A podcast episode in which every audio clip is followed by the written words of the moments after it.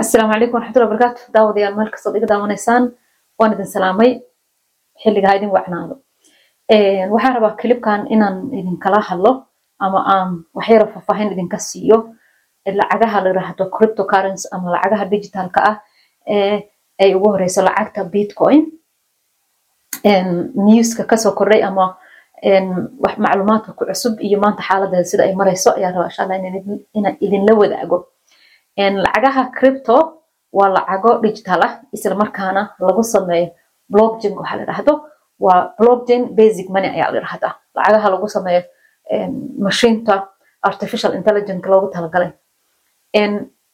Lacagahani muddo dheer ayay soo socdeen. Lacagta marka ugu horeysa soo baxda waxay lacagta bitcoin waana lacagta maanta ugu qaalisan waxay soo baxda labada kun iyo sagaalkii. Wixii labada kun iyo sagaalka ka dambeeyey saad ogtihiin markuu dhacay sixir bararkii ama dhaqaale hoos u dhaci labada kun sideedda markuu dhacay wixii ka dambeysay inta badan suuqa caalamka wuu isbedelay. Lacagihii qiimaha lahaa oo ka mid ah lacagta dollarka hoos u weyn ayaa ku yimid. Sidoo kale adduunka ayaa wuxuu isu bedelay technology. Wax kasta waxay u socdeen sida loogu talagalay si ka duwan. Maasha allah falilahi alxamdu waa mahad ilaahay in maanta dad badan oo muslimiin ah weliba gaar ahaan soomaaliya inay ka faa'iidaystaan laakiin in badan weli aysan ogeen waxaan rajaynaa inay ka faa'iidaystaan. Lacagta bitcoin waa lacagta hogaamisa lacagaha kale ee blockchain moneyga la isku dhaho ama lagu sameeye mashiinta blockchain lagu sameeye lacagta asal ahaan waxaa loogu talagalay dhaqdhaqaaqa sixirka suuqa inay xadido inuu suuqa marna uusan noqonin sixir barar uusan dhicin oo qaali noqonin marna hoos aadin. Laakiin weli waxaad moodaa in sixir bararkii uu sii kordhayo lacagihii caalamka kale ee fiat money loo yaqaanana ay qiimahooda hoos u dhacay. Lacagaha fiat money waxaa la yidhahdaa lacagaha lagu sameeyey dowladaha ay sameeyeen sida lacagaha warqadaha ama shilimaadka ah hadda lacagta doolarka kale. Inkastoo digital ay iska noqoto laakiin lacag warqada ay ahaan jirtay. Lacagahaas waxaa la yidhahdaa fiat money waxaana iskale dowlad. Laakiin lacagtan dowlad malaha waa lacag mashiin lagu sameeyey shirkada ayaa sameeyey laakiin waxaa loogu talagalay dadka qofkii hadba qofkii haysta iska leh. Haddana ani saaka hal bitcoin haysta anaa iska leh. Waayadii dambe markaa lacagaha hoos u dhac weyn ayaa ku yimid sannadkii labada kun iyo labaatan iyo kowgii wixii ka dambeeyey suuqa aad buu u hooseeyey. Kadib markuu dhacay dagaalkii ukraine iyo sidoo kale coronavirus oo ka horreeyey wixii intaa ka dambeeyey suuqa hoos ayuu jiray. Lacagaha bitcoin ama lacagaha kale ee waaweyn sida lacagta atherium iyo lacagta bitcoin iyo lacagta b n b waa lacagaha ugu sarreeyo suuqooda hoos ayuu jiray. Laakiin wixii ka dambeeyey sanadkaani bishii january ayuu suuqa si fiican u soo kacay. Dadkii marka hore u maalgashtay faa'iido fiican ayay ka sameeyeen. Lacagta bitcoin xilligan hadda idinla hadlaayo waa subax aroor hore waana labaatan iyo toddobada bisha february labada kun iyo labaatan iyo afarta. Bishii january labaatan iyo toddobadeedii ayaa waxay ka soo kacday lacagta bitcoin. Suuqa marka uu ahaa soddon iyo sagaal kun oo dollar.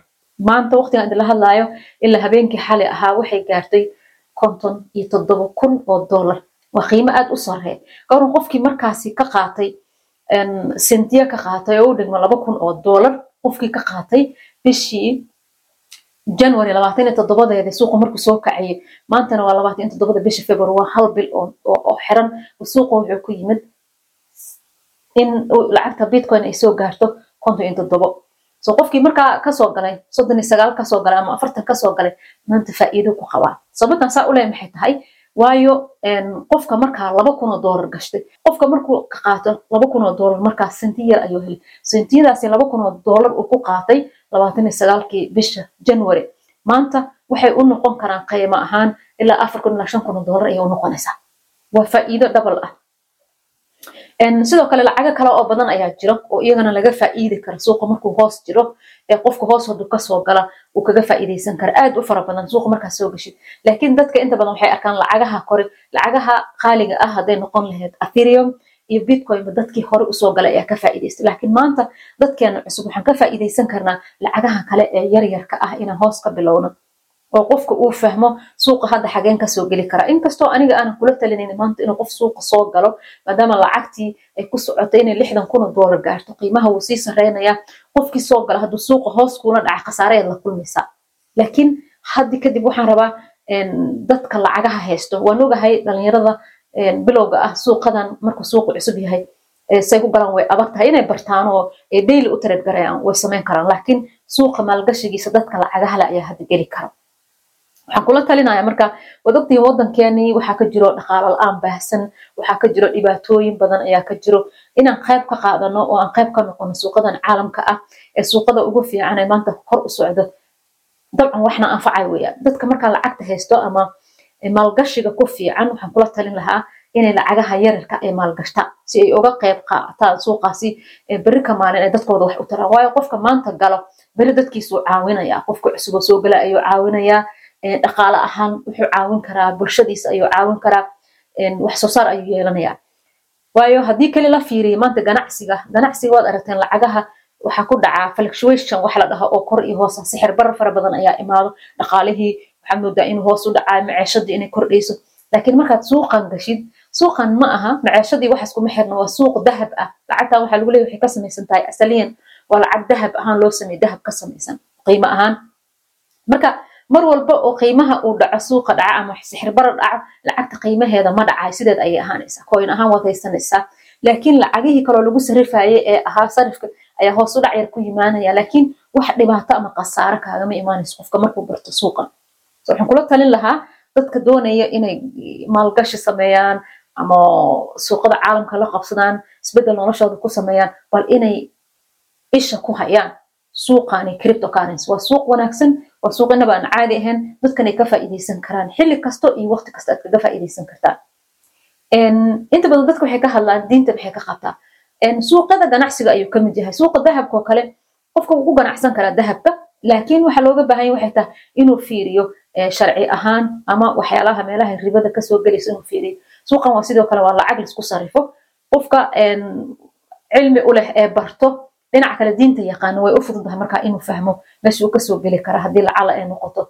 Shirkadaha qaar inta badan shirkadaha markii la baaraya waxay leeyihiin macluumaadkooda white paperkooda la baaraa sida lagu aas-aasay asalkooda maxay yihiin. Ingredientsigooda muxuu yahay inta badan laga fiiriya. Marka waad eegi kartaan weli dhinacyo badan ayaad ka eegi kartaan laakiin qofka asagoon baranin go'aan kama qaadan karo. Laakiin wixii inaad barataan ee aad fahantaan oo dhex gashaan aad ku baran kartaan inshallah waxaan rajaynaa inaad ka faa'iidaysataan qiimaha lacagta maanta aad buu u sareeyaa runtii aadan ugu faraxsanahay inaan waqti hore qayb ka noqday. Haba yaraatee ani waayo bitcoin markuu bilowga ahaa maan ogan waxaan soo bilaabay labada kun iyo sideed iyo tobankii. Weliba labada kun sideed iyo tobankii xataa waxay igu ahayd baro ee dhexda laakiin ma igu ahayn maalgasho oo waayo marka lacag aan u babac dhigo ama aan ku galamaan haysanin waan bartay waan iska iyo kowga hoos u dhacena lacago badan igala degay. Laakiin maasha allah hadda waxaan dareemayaa inay soo kacay suuqa uu fiican yahay laga faa'iidaysan kara fursadna halka ay ku jirto. Adiga i maanta marka haddii aad agood u heli kartid lacag aad ku maalgashato ama aad barnaamijkan ku dhex ama waqti aad u heshid dabcan waad tijaabin kartaa waadna ka faa'iidaysan kartaa. Laakiin waxaan rabaa inaa idinla wadaago meel fiican marayaa suuqi kor ayuu u socdaa farxad weyn ayay u ahayd dadka lacagaha cripto haysta xalay. Markii uu hidgareeyey kowdii habeennimo ee saacadda maraykan markay ahayd ayuu wuxuu hidgareeyey konton iyo toddoba kun oo dollar. Dad badan oo ganacsato ah ee barnaamijkan ku jiro farxad bay u ahayd. Insha allah waxaan rajaynaa inuu sii socdo sida la rajaynaayo isbuuca soo socda inuu lixdan kun gaaro. Saadaash sidoo kale waxay sheegaysaa inuu gaari karo xataa sideetan kun oo dollar inuu gaari karo. Laakiin allahu aclam ma ogaan karno. Aad baad mahadsantahi salamu calaykum raxmatullahi wabarakatu